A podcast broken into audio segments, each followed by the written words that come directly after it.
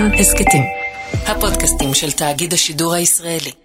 כאן רשת ב' הוועד היהודי האנטי-פשיסטי הוקם בקויבישב שבברית המועצות לפני כ-80 שנה. הוא הוקם בעידודם של השלטונות בזמן היות ברית המועצות נלחמת על חייה, פשוטו כמשמעו, כנגד הפלישה הנאצית. הוא נועד להשפיע על יהדות ארצות הברית שתשפיע בתורה, כך האמינו, על ממשלת אמריקה להילחם לצד ברית המועצות בכל עוצמתה נגד היטלר. ארצות הברית אכן עזרה, עזרה גדולה לברית המועצות, והביאה לניצחון על גרמניה במאי 1945. ואולם חלקו של הוועד האנטי-פשיסטי בניצחון היה חסר משמעות. כך או כך, חמש שנים לאחר ניצחון הצבא הסובייטי, כבר לא היה בו צורך בוועד, והוא חוסל בשיטה הסטליניסטית הידועה של רדיפות והוצאות להורג.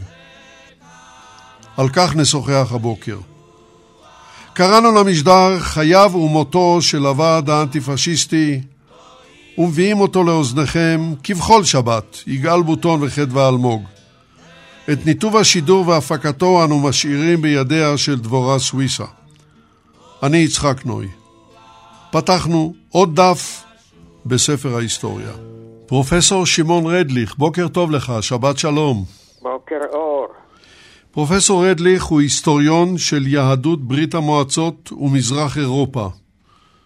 והוא מאוניברסיטת בן גוריון בנגב.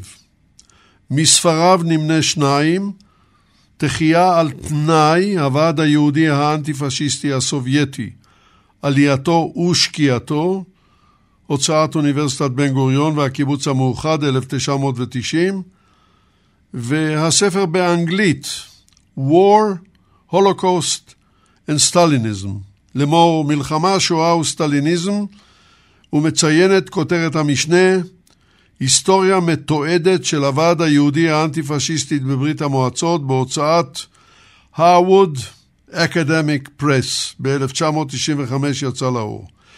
והשאלה הראשונה אליך, פרופסור רדליך, המסגרת ההיסטורית של יהודי ברית המועצות בשנים 1941-1948 וסופרי היידיש של התקופה. כן, אבל הרשה לי להקדים בציטוט ששייך ישירות לנושא שלנו, ציטוט מאוד מרגש משירו של המשורר והסופר חיים גראדה, ששהה בזמן המלחמה בתוך ברית המועצות, הוא היה במקורו מפולין, ליטא, ואחר כך חזר, כלומר עזב את ברית המועצות, אבל היה מאוד מקורב לאנשי הוועד, וכך הוא כתב אחרי שרובם הוצאו להורג בפקודתו של סטלין. Ich wen auf euch mit alle OCS von dem א' ב' ואני עובר לעברית. אני מבכה אתכם בכל אותיות האלף-בית. אני מבכה אתכם בכל אותיות האלף-בית אשר שימשו אתכם בכתיבת שיריכם הגאים. אני מודע לתקוותכם המדומה וללבבותיכם המרוטים, דמויי סידור ישן נושן. בהמשך אצטט גם בהמשך השיחה שלנו אצטט כמה מילים מאותו שיר על אה, המשורר הדגול היידישאי סובייטי פרץ מרקיש. ועכשיו נעבור למסגרת ההיסטורית, המסגרת הכרונולוגית. אה, כמו שאמרת, בעיקר 41-48, המלחמה, השואה, חיסול התרבות היהודית אחרי המלחמה.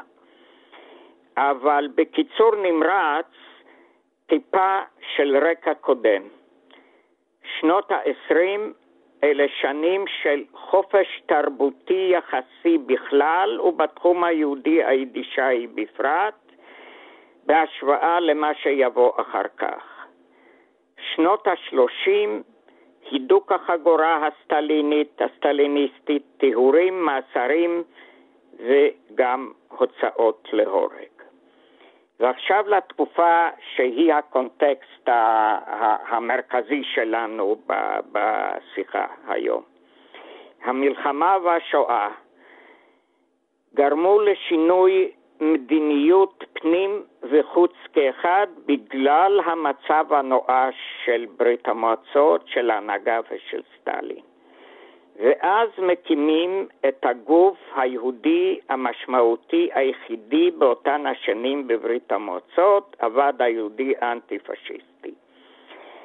אה, סופרי יידיש אה, תפסו מקום מאוד מרכזי, אולי המקום הכי מרכזי אה, בין חברי הוועד, אבל היו שם לא רק אנשי ספרות ואומנות. היו שם אנשי תיאטרון וקולנוע, כמו סרגי אייזנשטיין, וכמובן מי שעמד בראש הוועד, מנהל התיאטרון היהודי במוסקבה, אה, סולומון מיכואלס. היו שם אנשי צבא, קצינים, גם בדרגות מאוד גבוהות. היו אנשי ממשל, היו אנשי אדמיניסטרציה, מדע וכולי. אבל את המקום המרכזי שם אמנם תפסו אנשי תרבות וספרות.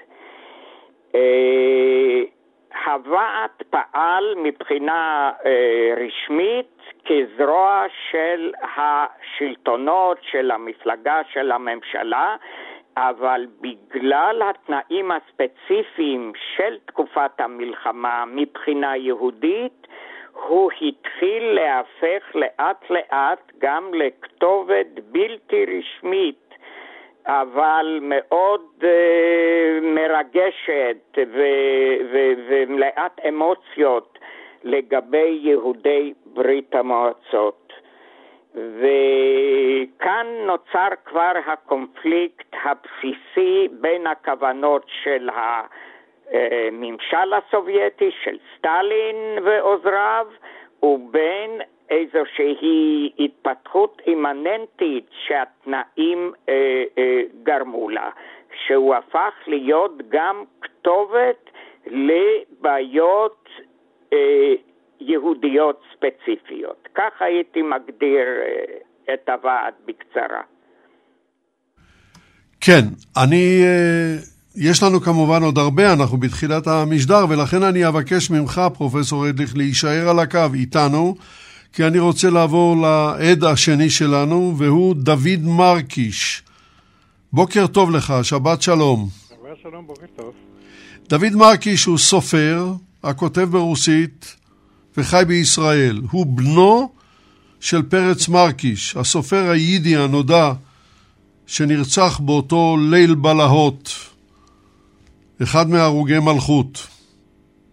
בואו ונמנה שניים מספריו של דוד מרקיש, שתורגמו לעברית. הספר ליצנים בהוצאת עם עובד, 1985, והספר שעוסק בנושא המשדר של היום, בין התחומים, יצא בהוצאת הקיבוץ המאוחד, רואה אור ממש בימים אלה. שימו לב. והשאלה הראשונה אליך, דוד מרקיש, חייו ומותו של אביך, הסופר פרץ מרקיש. אמ, אני יכול להגיד כמה מילים באמת, זה די ידוע. פרץ מרקיש, אבי, הוא נולד ב-1895 באוקראינה, ומולדת שלו, בוא נגיד ככה, שטטלה פולונויה, פולונויה. שטטלה די ידועה בשטח שאיפה יהודים גרו בזמנו. הוא נולד שם והוא לא קיבל כמו רוב מהאנשי תרבות בשפה יידיש, הוא לא קיבל מצב במקום שלו, בשטטר שלו, בחיים של יהודים באוקראינה, במקומות האלה, בווליניה, והוא עזב את השטטר והלך לעולם. הוא היה לא לבד, היו עוד כמה אנשים כמוהו, אנשי תרבות גבוה ביותר, כמו שאגאל, כמו אל ליסיצקי ומספר סופרים מאוד ידועים, מאוד ידועים. הם בעצם הם ברחו משם, הם ברחו מהטרדיציות, מההשכלה הישנה, בגלל שההשכלה החדשה כבר תגיע לשם. ופרץ מרקש, כל החיים שלו זה חיים בתרבות. הוא היה איש של יידיש, וזה בעצם סימן של כל החיים של פרץ מרקש.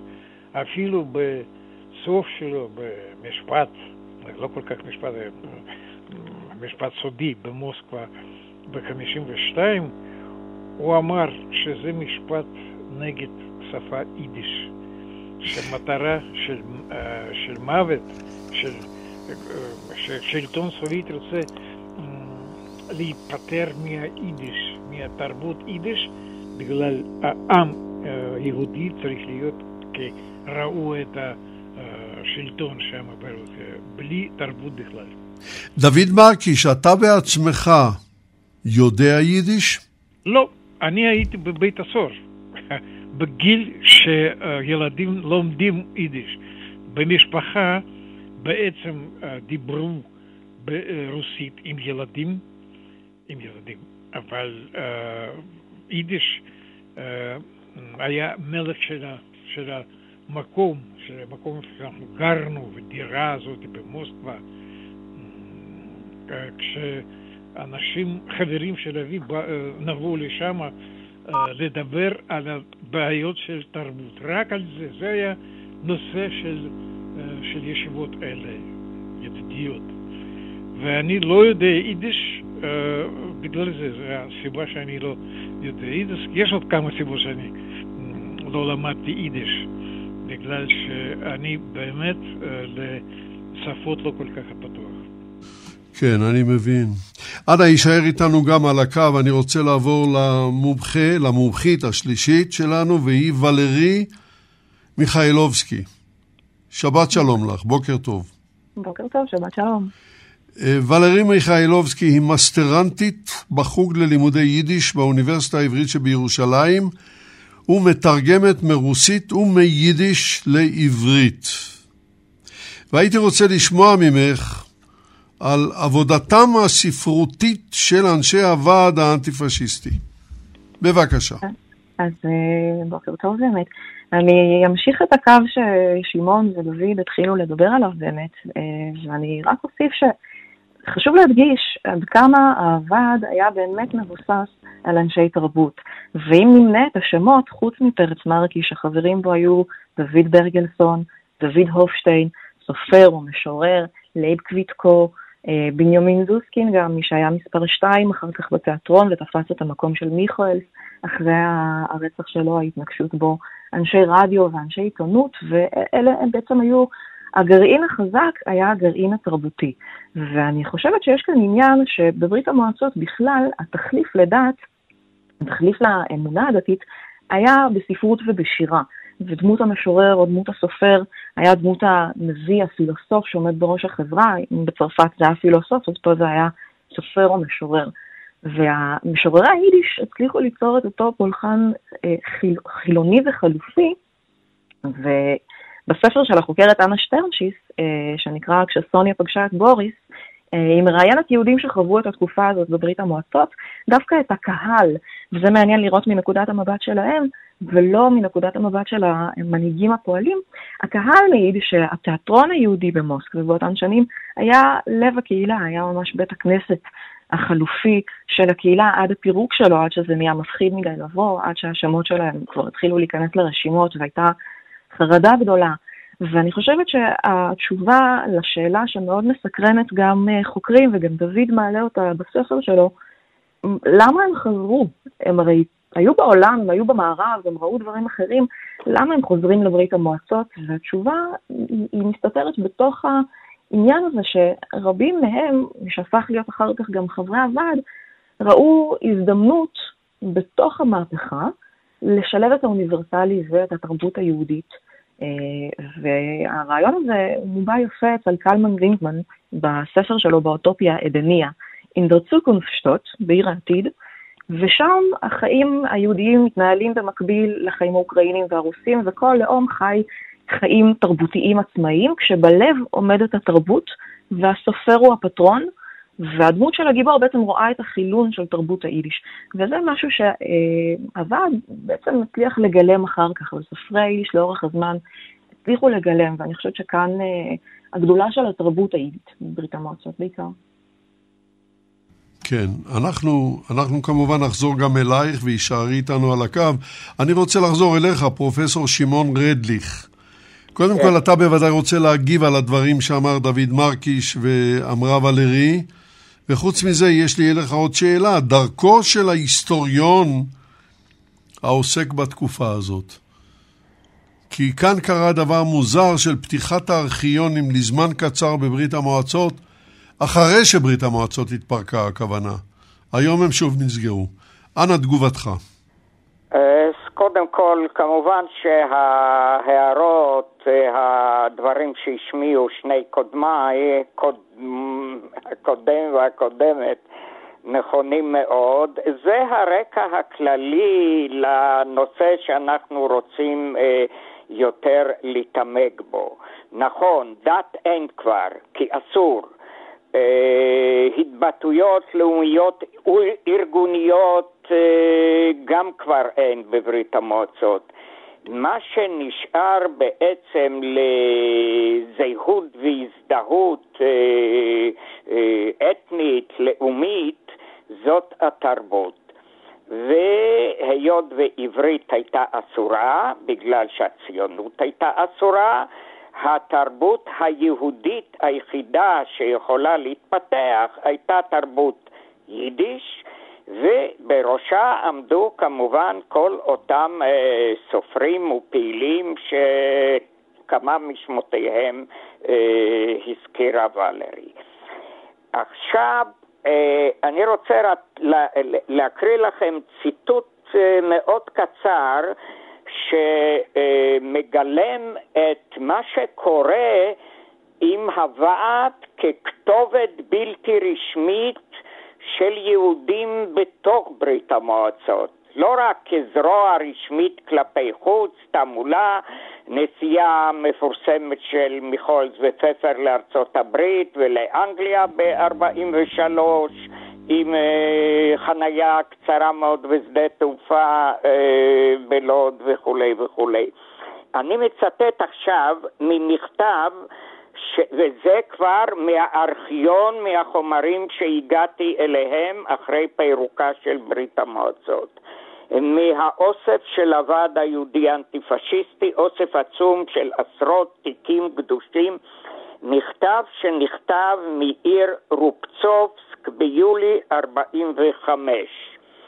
כותב אה, פשוט יהודי, איש בודד, אה, כותב לה, אה, אה, למיכואלס, אה, מוסקבה, הוועד היהודי האנטי-פשיסטי. אה, בזמן האחרון התרבו אצלנו מקרים של התקפות אנטישמיות. הם התרבו מאוד בזמן האחרון. יהודים הוכו, יהודים העליבו יהודים בכיכר המרכזית של העיר, בחנויות, בבתי ספר וגם במוסדות רשמיים. אה, וגם ממש ברחובות העיר. אה, אנחנו עדים לאינצידנטים של השפלה והתקפה של חוליגנים נגד יהודים. ואז הוא מונה ממש מקרה אחרי מקרה של כמה אה, דברים מהסוג הזה.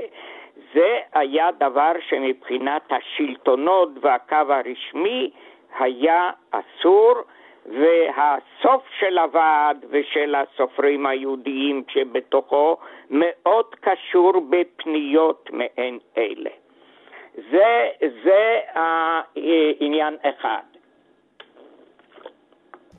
עכשיו אני רוצה לעבור לסיפור שאולי לאנשים שמחוץ למקצוע ההיסטוריון לא כל כך מכירים, כי הדימוי אולי של ההיסטוריון הממוצע הוא איש אה, די יפשושי, חוקר ימים ולילות, אבל ככה אה, הרגש לא כל כך משחק פה תפקיד. לי קרה דבר מאוד מרגש, גם מבחינה אישית, גם מבחינה אינטלקטואלית וגם מבחינה מקצועית. אה, ב-1989 הוזמנתי על ידי, והיום אני חושב מותר להזכיר את זה במפורש, הוזמנתי על ידי אה, נתיב, היחידה שעסקה ביהודי אה, ברית המועצות כאן בישראל, להצטרף לקבוצה של חוקרים להשתתף בכנס הראשון מסוגו עם אורחים מחוץ לארץ על תולדות יהודי ברית המועצות במוסקבה. וזה היה בשבילי אירוע מאוד מרגש. אה, לימדתי שנים על יהדות ברית המועצות, אבל רגלי לא דרכה בכיכר האדומה. מה אני אגיד לכם? אה, היו רגעים מאוד מרגשים, כשפעם ראשונה צעדתי שם במקום הזה שעליו לימדתי שנים. נוסף לכך, בנסיעה נוספת בשנת 91, פעם ראשונה הורשיתי להיכנס לבניין הארכיון על שם מהפכת אוקטובר, שבו ידעתי כבר שנמצא האוסף המקורי של כל התיעוד הנוגע לוועד היהודי האנטי-פשיסטי. ההתרגשות שלי הייתה כל כך גדולה, שברגע שהובאו לפניי התיקים הראשונים עם מסמכים מקוריים אה, בדיווחם וחתימתם של מיכולס ופפר ו- ומרקיש וקוויטקו וארנבורג וכשזה קורה בקרבת המקום ששם מבחינה פיזית לא רחוק במרכז העיר התקיים אותו הוועד שסופו היה כל כך טרגי אני, לא הייתה לי ברירה אלא לבקש כוס מים ולקחת כדור הרגעה. עד כדי כך גדולה הייתה ההתרגשות שלי. היום אתה יכול לחזור לשם? Uh, למוסקבה אני יכול לחזור, אבל אני חושש שלאותו ארכיון לא. מדוע? כי פתיחת הארכיונים תלויה במדיניות השלטון. ולי התמזל מזלי כהיסטוריון של אה, אותו מקום ושל אה, אותו נושא, שבשנים 89-90 ועד אמצע שנות ה-90 של המאה הקודמת, הארכיונים נפתחו והייתה נגישות. אחר כך היו תקופות של up and down, up and down, והיום אני חושש שבתקופתו של פוטין, כשליט עליון, שוב הארכיונים הם מאוד מוגבלים. וזה פשוט מזל.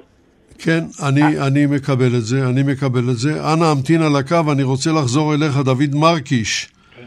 ובעקבות הדברים שאמר לנו פרופסור רדליך, אה, לשמוע גם על מסעותיו של אביך, פרץ מרקיש, בעולם.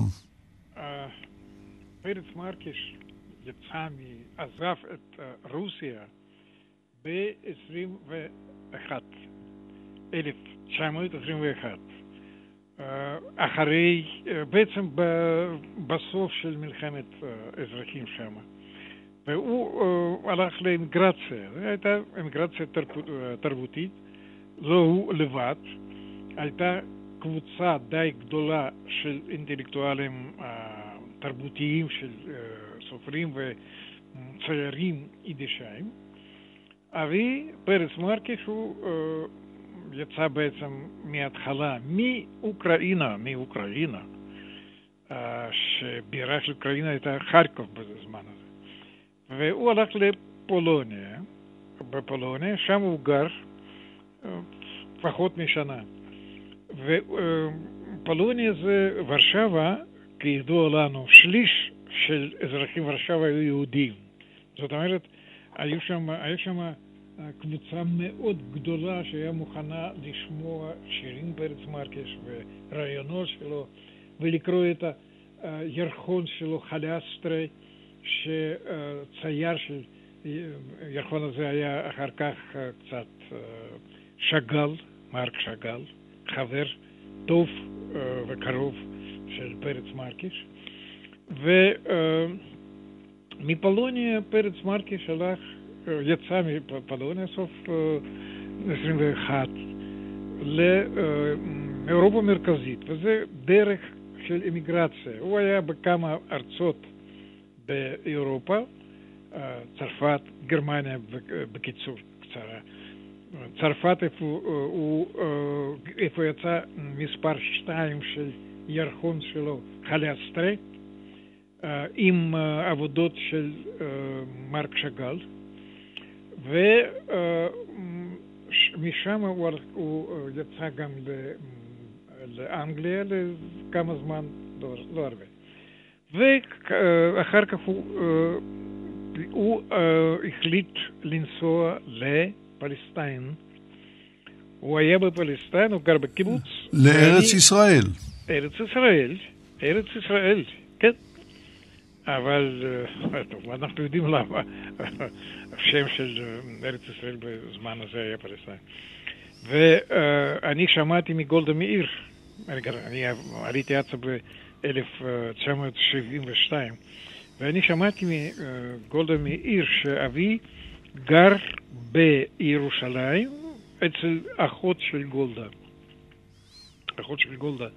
כן. ואני, וחבל לי עד עכשיו שאני לא שאלתי אצל גולדה איפה היה הבית הזה, אני הייתי רוצה לבוא לשם קצת לעמוד על יד הבית, יכול להיות להרגיש שאבי היה פה. אחר כך הוא היה בגליל, והוא עזב את ארץ ישראל בסיבה אחת חשובה ביותר. הוא לא יכול בארץ ישראל לעבוד, ו, לעבוד ולפרסם עבודות שלו בשפה יידיש. אני לא אכנס עכשיו לעניין הזה, ידוע למאזינים שלנו מה זאת אומרת מלחמת השפות.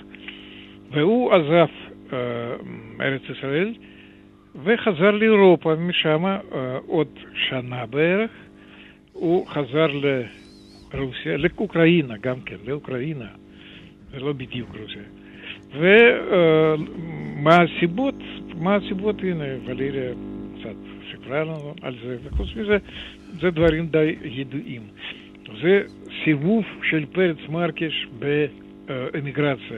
הדבר הזה מביא אותנו כמובן גם לקשרים המיוחדים כן? שהיו בין פרץ מרקיש, אביך, לאורי צבי גרינברג. כן. אבל אנחנו נגיע לזה בסיבוב הבא שלנו. אוקיי. אני כרגע רוצה, אוקיי. ברשותך, תמתין על הקו.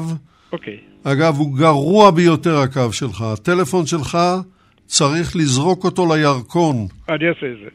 תעשה את זה אחרי השידור. ואני רוצה לעבור עכשיו לוולרי מיכאילובסקי, ולשאול אותך על לימודי היידיש בברית המועצות, אבל גם לבקש ממך לצטט מאחד המשוררים היידיים, לפי בחירתך, קצת ביידיש וקצת בעברית. ולרי, בבקשה. אז אה, באמת אה, לגבי לימודי היידיש בברית המועצות, אני חושבת שמעטים יודעים שבשנות ה-30 הייתה דווקא פריחה יחסית בכל מה שקשור ליחס של השלטונות וליידיש, כמה שזה מפתיע, באקדמיה. אה, והיחס הזה גורר בעצם הקמה של מחלקה ליידיש באוניברסיטה במוסקבה ב-1926, והיא מתקיימת לכל אורך שנות ה-30, והיחס הזה אפילו גורר, אם כבר שאלנו למה הם חזרו, אז כאן אפשר לשאול את השאלה למה הם הגיעו. זה גורר אה, הגירה של משכילים ושל אקדמאים ממערב אירופה, מפולין, לברית המועצות, אנשים שאין להם קשר אה, מקומי לסיפור הזה, אלא מחליטים להעביר את החיים שלהם בפעם הראשונה לשם. אחד מהם למשל הוא מאיר וינר, שעמד בראש החוג ליידיש אחר כך, וזה באמת איזשהו מיקרוקוסמוס מדהים שבו מלמדים יידיש באוניברסיטה, והמטרה היא אה, להפיץ את השפה לבתי ספר יהודיים, להכשיר לשם מורים. יש מחלקות דומות כאלה אחר כך בקייב, במינסק, בעוד כמה ערים באוקראינה ובבלארוס. אה, מאוחר יותר זה קורה גם בבירוביג'אן, ועל אף קשיים מסוימים ב-38 במחלקה, לקראת סוף ה-39-40, אחרי הסכם ריבנטרופ מולוטוב, פתאום מתקבלת עוד אוכלוסייה דוברת יידיש, ובעצם מבינים שאין ברירה אלא להמשיך את העניין הזה של אה, הוראה, ואחד הדברים הבולטים שהמורים מתלוננים עליהם זה שהמרכיב העברי אצל הסטודנטים הוא חסר, הוא לוקה וחסר, והם מתקשים להבין טקסטים ביידיש בגלל המחסור של הרכיב העברי אה, דווקא. זה, זה לגבי החילון והחוסר הידע והאנטגוניזם כלפי עברית שיש אה, באותן שנים. אה, השלטונות מנגד דווקא מתלוננים על חוסר הידע של התלמידים ברוסית.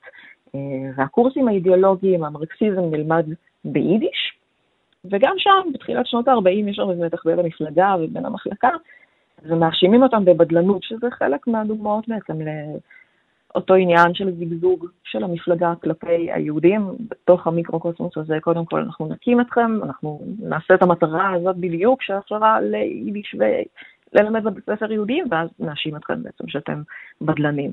קו דפוס שחוזר על עצמו אה, הרבה מאוד. ואני רוצה אה, לקרוא דווקא משיר שלצערי אין לי את המקפידי שלו כאן מולי, אבל אה, זה שיר שיצא באסופה החדשה, זר שלגים, שיצא אה, בתרגום ובבחירה של השירים אה, בני מרומן מאחוריהם.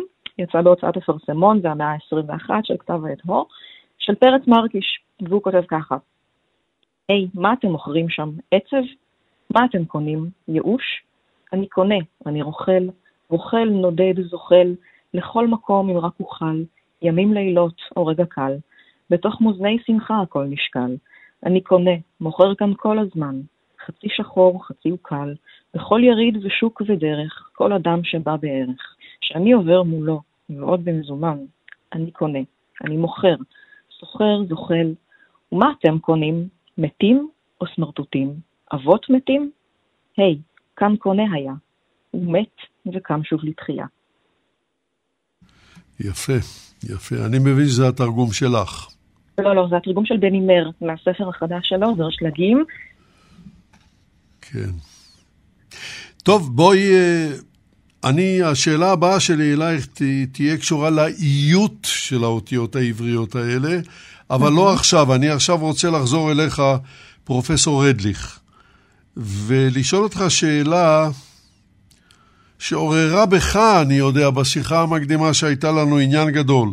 הסופר לעומת ההיסטוריון ותיאור תקופה.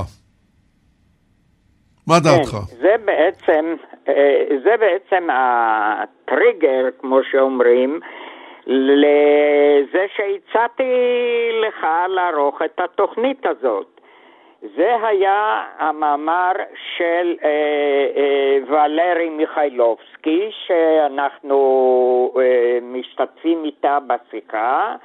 אה, מאמר שהופיע בעקבות אה, פרסומו של הספר של דוד מרקיש בין התחומים, שהופיע בתרבות וספרות לפני כמה שבועות.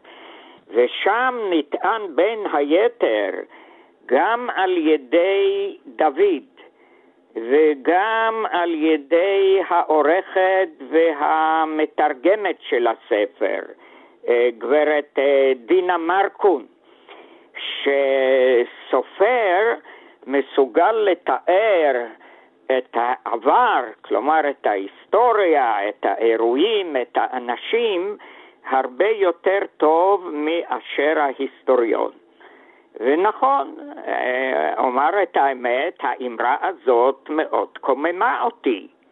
מה זה, מבטלים את ההיסטוריונים? אבל אחרי מחשבה שנייה הגעתי למסקנה שבעצם סופרים והיסטוריונים לא צריכים להתחרות אחד בשני, אלא יותר להשלים אחד את השני. הכתיבה ההיסטורית מבוססת על חקר הפרטים, הפרשנות לפרטים, הזרמים, הכיוונים, האישים, לא אכנס לנושא המאוד מאוד סבוך הזה, בו בזמן שהיצירה הספרותית אה, אה, אה, מוסרת או מעבירה לקורא את התחושות, את הצד האסתטי, האמוציונלי יותר, האישי יותר. כלומר, הייתי אומר, אם אני קורא היום ספר היסטורי עשוי טוב וב, ובהוגנות ובמהימנות, ובמקביל קורא יצירה ספרותית שעוסקת באותו נושא, זאת השלמה מצוינת ש, שבונה לנו את, ה, את המציאות ההיסטורית המסוימת, או הרגע או המומנט ההיסטורי המסוים. ברור, ברור, ברור. רגע, אני רוצה עוד להזכיר כאן... רגע, רגע, אני אתן לך להזכיר, אבל אני רוצה להתווכח איתך דקה. כן.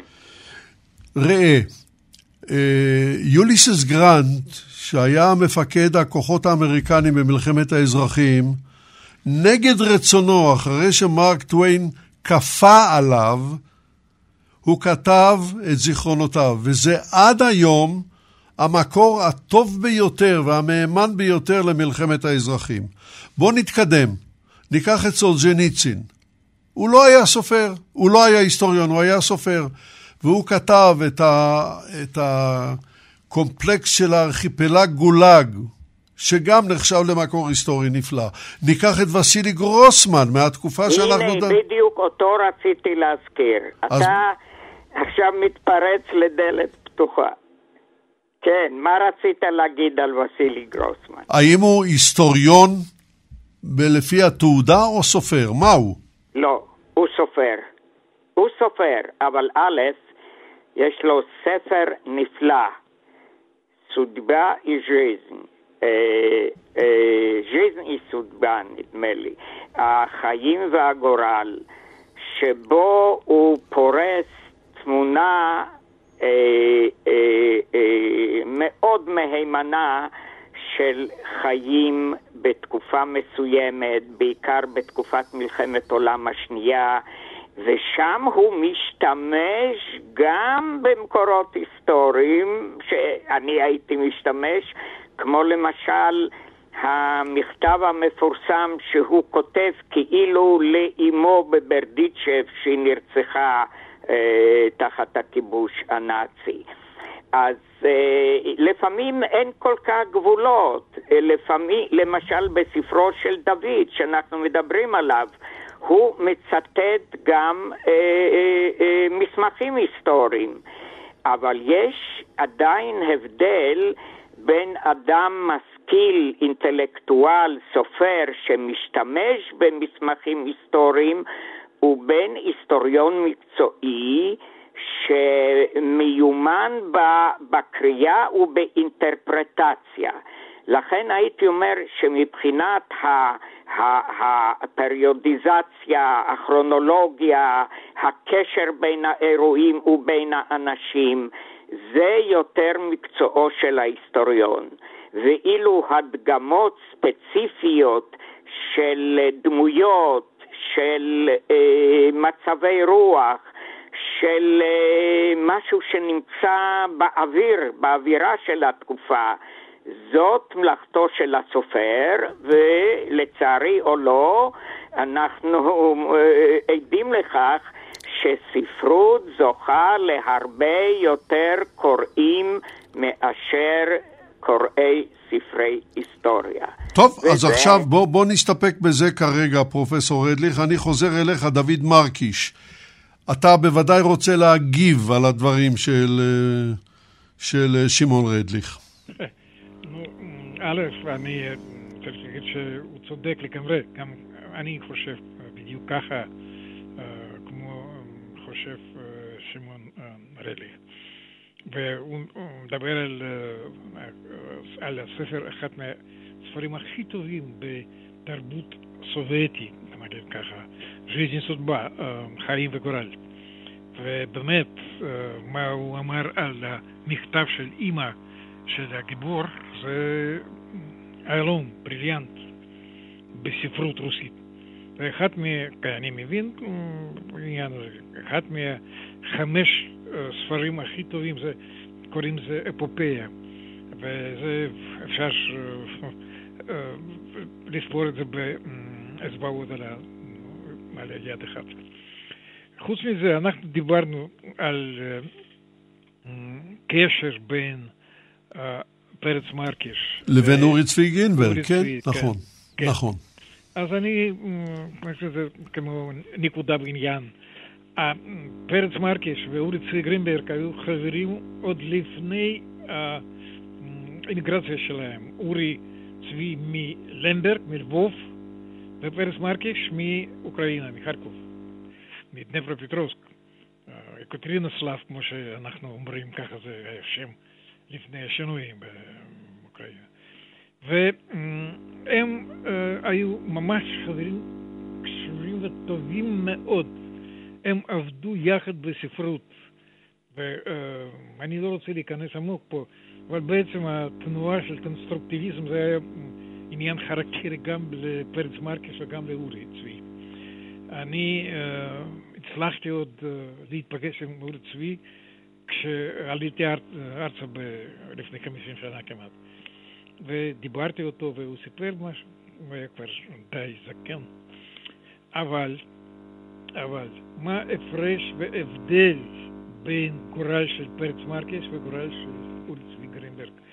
Uh, העניין שאורי צבי, כשהוא uh, עלה ארצה, הוא היה מוכן להחליף שפה, שפת אם שלו, יידיש, לשפת אבא שלו, נגיד, אב, אב שלו, uh, עברית. והוא היום, כידוע לנו, קלאסיק של הפואזיה שירה בשפה עברית. פרץ מרקש לא היה מוכן להחליף שפות. הוא ידע uh, עברית, כן, פחות או יותר, כמובן, הוא, הוא הלך לחדר, ואבא שלו היה רבה של חדר בשטטר שהוא נולד. אבל הוא היה uh, חסיד של יידיש ולא של עברית. הוא, יד, הוא ידע, פרס מרקש ידע לא רק שתי שפות, יידיש ועברית, הוא ידע גם כן אנגלית וצרפתית ופולנית כמובן ואוקראינית, אבל עבד וכתב רק ואך בשפה יידיש, זה היה חיים שלו, מההתחלה עד הסוף. ואורי צבי היה לא לבד ש... שכתב פה אחרי גלות בעברית. היה עוד אחד משורר מקייב דווקא, אבל הוא חזר גם כן לרוסיה, לברית המועצות שעבר. למה? זה אותו, אותו הסיבה. סיבה, אני יכול להגיד, זו סיבה נוראה, בגלל שסופרים יידישיים, לא רק הם, אבל אנחנו מדברים על סופרים יידישיים, הם לא, קשה היה להם להיות בגלות. אני uh, בטוח שאבי לא הלך בפריז, בוא נגיד, לרחוב למכור את הספרים שלו או לקרוא שירים על התשלום. והירחון שלו, חלסטרה, שהוא ידוע ביותר היום בתרבות, בתרבות של, של יידיש, יחד עם שאגל הוא עשה את זה. והעניין שבעצם הוא לא ידע מאיפה לקחת פרנק אחד שיצא את, שיצא את הירחון הזה. וכמובן, בהתחלת, באמצע שנת 20, היה ידוע גם כן לכל הקבוצה הידישה סופרים במערב, ששלטון סובייטי הוא עוזר לתרבות יידיש בסיבות ש... ש... שאנחנו כבר שמענו, הסיבות האלה, למה? שלטון סובייטי נתן uh, חיים בעצם, חיים, זאת אומרת כסף לאוניברסיטות בשפה יידיש, למו"לים, לעיתונים, לתיאטרונים. זה היה, זה היה סיבה פוליטית, כן. אבל אני רוצה להגיד דבר אחד וחשוב ביותר. כבר ב-26, כשפרץ מרקיש חזר מאמיגרציה לאוקראינה, הוא כתב במכתב uh, לאחד מהחברים שלו, אויסלנדר. הוא כתב, איפה שיותר שלטון סובייטי, שמה פחות uh, יידישקייט, uh, חיים יהודיים. וזה חשוב. והוא אמר גם כן, פרס מרקס, שהוא היה רוצה לחזור למערב, אבל לא יקבל אישור שאפשר לעזוב את ברית המועצות שעבר. ככה זה היה. כן, טרגדיה גדולה, ללא ספק. ולרי מיכאילובסקי, אני חוזר אלייך. יש לי שאלה אישית, הייתי אומר, מאוד מעניינת. האיות של היידיש. היה סופר גדול ביידיש, שנחשב לפורץ הדרך ב... ביידיש מודרנית. הוא היה משורר, קראו לו מוריס רוזנפלד, והוא כתב ביידיש בארצות הברית. שירים נפלאים הוא כתב, והם נפוצו בכל העולם היהודי. אבל הוא כתב ביידיש קלאסית, וביידיש קלאסית, כשאתה אומר מתכוון למלחמה, אתה ביידיש אומר מלחומה. אבל אתה חייב, כמו בלדינו, לכתוב מלחמה. אתה אסור, אתה אסור לך לשנות את זה. ואם אתה כותב שלום עליכם, אתה אומר ביידיש שולם אבל אתה כותב שלום עליכם, כי זה בעברית. ובאו ה... אני לא יודע למי לקרוא להם, אבל אני חושב שזו השפעה של השלטונות הסובייטים והפכו את הסדר. והאותיות התפזרו. היום לקרוא את המילה מלחמה בעברית או ביידיש שנכתבה בברית המועצות, זה נורא קשה, זה נורא מוזר. איך את מסבירה את הדבר הזה? זה נכון, זה באמת מה שאמרת, צריך לזכור שהכתיב תמיד בכל שפה הוא מאוחר, הוא, הוא תהליך שמתפתח מאוחר יותר, השפה הדבורה הקודמת לו, וככה היה גם ביידיש. הרבה שנים לא היה גוף שמפקח, לא היה הגוף המקביל למה שהיום אנחנו מכירים, האקדמיה ללשון העברית, וזה השנים בעצם שהנורמה של הכתיב מתעצבת. במקביל יש לנו את המכון הליטאי, את, את ייוו"א, את ה יידישער וויסנשאפטלעכער אינסטיטוט. הם מעצבים נורמה מסוימת של כתיבה ביידיש, ה כלל יידיש, שבה באמת מילים עבריות, הרכיב העברי נשאר כתוב כמו בעברית, והגייה היא כמו ביידיש שאנשים רגילים. ובברית המועצות הכתיב משרת, כן, את האידיאולוגיה, הוא משרת את החילון, הוא משרת את מה שאמרנו, את ההפרדה בין עברית ליידיש. אה, ודוד בספר הוא כותב, ודינה מתרגמת, במי למי צריך לסכסך שם אצל היהודים, וגם בעניין הזה יש עמדה. העברית מוכרזת כשפה בורגנית, והיידיש כשפה שאנחנו רוצים לאמץ לצרכים שלנו, אז גם הכתיב שלה, בואו נבדל אותו כמה שאפשר מהעברית. אז אותיות סופיות, אה, נון, פ', ת', אנחנו נכתוב כאותיות תחיליות, ומילים עבריות אנחנו נכתוב בכתיב פונטי, עם כל התנועות של היידיש, איך ששומעים ככה כותבים. ולקורא העברי שרגיל לעברית זה באמת מוזר, זה טיפה מרתיע, אבל בסופו של דבר זה, זה, אפשר להתרגל, זה לא כל כך נורא. אבל מה שמעניין, שבאמת בספרים שהיו יוצאים אז בברית המועצות, היה מילון בסוף של המרכיב העברי, שלא היה כל כך מוכר לאנשים, היה אה, מועט יותר ביידיש סובייטית, אבל אה, זה לא הפריע ליצור בסופו של דבר גם. אז איך את מסבירה את העובדה שהיידיש עם האיות המשונה הזה, האיות הסובייטי המשונה הזה של האותיות העבריות, לא נפוצה בעולם, לא בארצות הברית, לא בישראל, לא בדרום אמריקה, רק בברית המועצות. איך את מסבירה את זה? יש לזה בעצם שתי סיבות. האחת היא שאותו ארגון שהזכרנו, איבו, מליטה, זה ארגון שעבר אחר כך ממש בימי המלחמה לניו יורק, ונפתח סניף שלו אה, גם בבואנוס איירס, אה, והייתה לו השפעה הרבה יותר חזקה במערב ובעולם, ומשם גם ההנחלה של הכתיב שלו. ומנגד, יהדות ברית המועצות, יידיש של ברית המועצות, תמיד היו אה, נישה בתוך הסיפור הזה, תמיד היו יותר מסוגרים מכורח הנסיבות. לא כי הם אה, שאפו לכך, אבל כי, כי זה היה המצב. וזה גם למה אולי הסיפור שלהם לא כל כך מוכר ולא כל כך נשמע. אה, אז אותן סיבות. כן. אולי תקראי לנו עוד אה, שיר אחד בטובך? אז uh, אני, אני אסגור בעצם בציטוט של השורות הראשונות שלה, דיברנו כאן על uh, אורי צבי גרינברג, אז uh, גם פרץ מרקיש וגם אורי צבי גרינברג, מה שמאפיין אותם זה הפואמה הארוכה, uh, ודוד uh, טוען שהמפתח להבנה של uh, פרץ מרקיש טמון בשיר שלו שנקרא גבר בן 40, בפואמה גבר בן 40, שבעצם מתחיל לכתוב ככל הנראה בשנות הגלות במערב, uh, והשלים מאוחר יותר. והשורות הראשונות ביידיש הולכות כך: Was ik jerker man, zij begrist in dein Pein, nicht meiden, זה keiner. בתרגום נתן יונתן בעברית, גבר בן 40, תבורך בייסורים, לא יפגוש בך איש, לידך אין עוברים. אני חושבת שהן מתמצתות אה, היטב את השיחה שלנו גם על האיש וגם על אה, הקהילה. כן, זה מאוד יפה, מאוד יפה. אה, ולרי, עם כל אהבתנו לנושא, יכולנו לדבר שעות, השעון עשה את שלו. ואנחנו בשלב השאלה הזהה.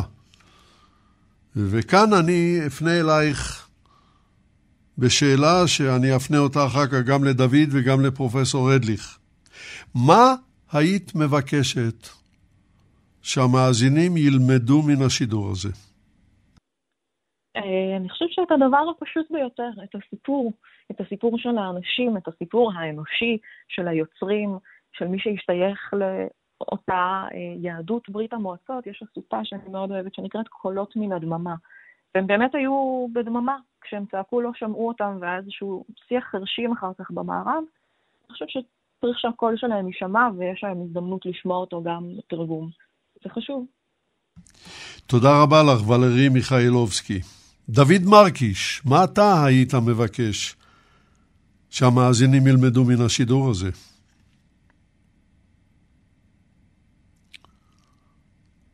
דוד?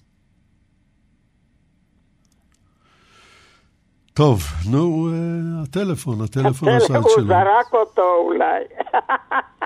הוא כבר זרק אותו לירקון יותר מדי מוקדם, אבל אולי הוא כן שומע אותנו. דוד, מה היית מבקש שהמאזינים ילמדו מהשידור? נפל. נפל. צר לי. אז המילה האחרונה תהיה שלך, פרופסור שמעון רדליך. מה אתה היית מבקש שילמדו מן השידור הזה? אני הייתי מבקש שבאופן כללי, רחב, ילמדו שאם מת, מת, אה, מישהו מתעניין בנושא מסוים ורוצה להתעמק בו, שיקרא גם ספרי היסטוריה וגם ספרות יפה, שהאחד משלים את השני. תודה רבה גם לך, פרופסור שמעון רדליך. אנחנו כבר הרבה יותר מזה לא נספיק. דבורה מתאמצת ליצור קשר עם דוד מרקיש, אבל אה, טוב, בפעם הבאה יהיה טלפון נורמלי. דוד, אתה על הקו, אני שומע. כן, כן, עוד הפעם. כן. זהו, חזרת אלינו, שומעים אותך אפילו יותר טוב. אה, יופי. ממש במשפט, מה היית מבקש שהמאזינים ילמדו מהשידור? אני אגיד, אני מאוד מבקש ממאזינים לקרוא את הספר בין התחומים, בגלל שהיסטוריה שלנו זה טוב ליהודים. תודה רבה גם לך, דוד מרקיש. תודה רבה לכם. עד כאן להפעם, חייו ומותו של הוועד האנטי-פשיסטי. סיפורה הטרגי של התרבות היהודית בברית המועצות מגיע כאן לסיומו. ניתן היה כמובן להוסיף ולהוסיף, אבל זמננו קצוב והוא הסתיים. תודה למשתתפי המשדר על זמנם ובקיאותם שהקדישו למעננו. חייו ומותו של הוועד האנטי-פשיסטי הביאו לשידור יגאל בוטון וחדווה אלמוג, נתבע והפיקה דבורה סוויסה, אני יצחק נוי.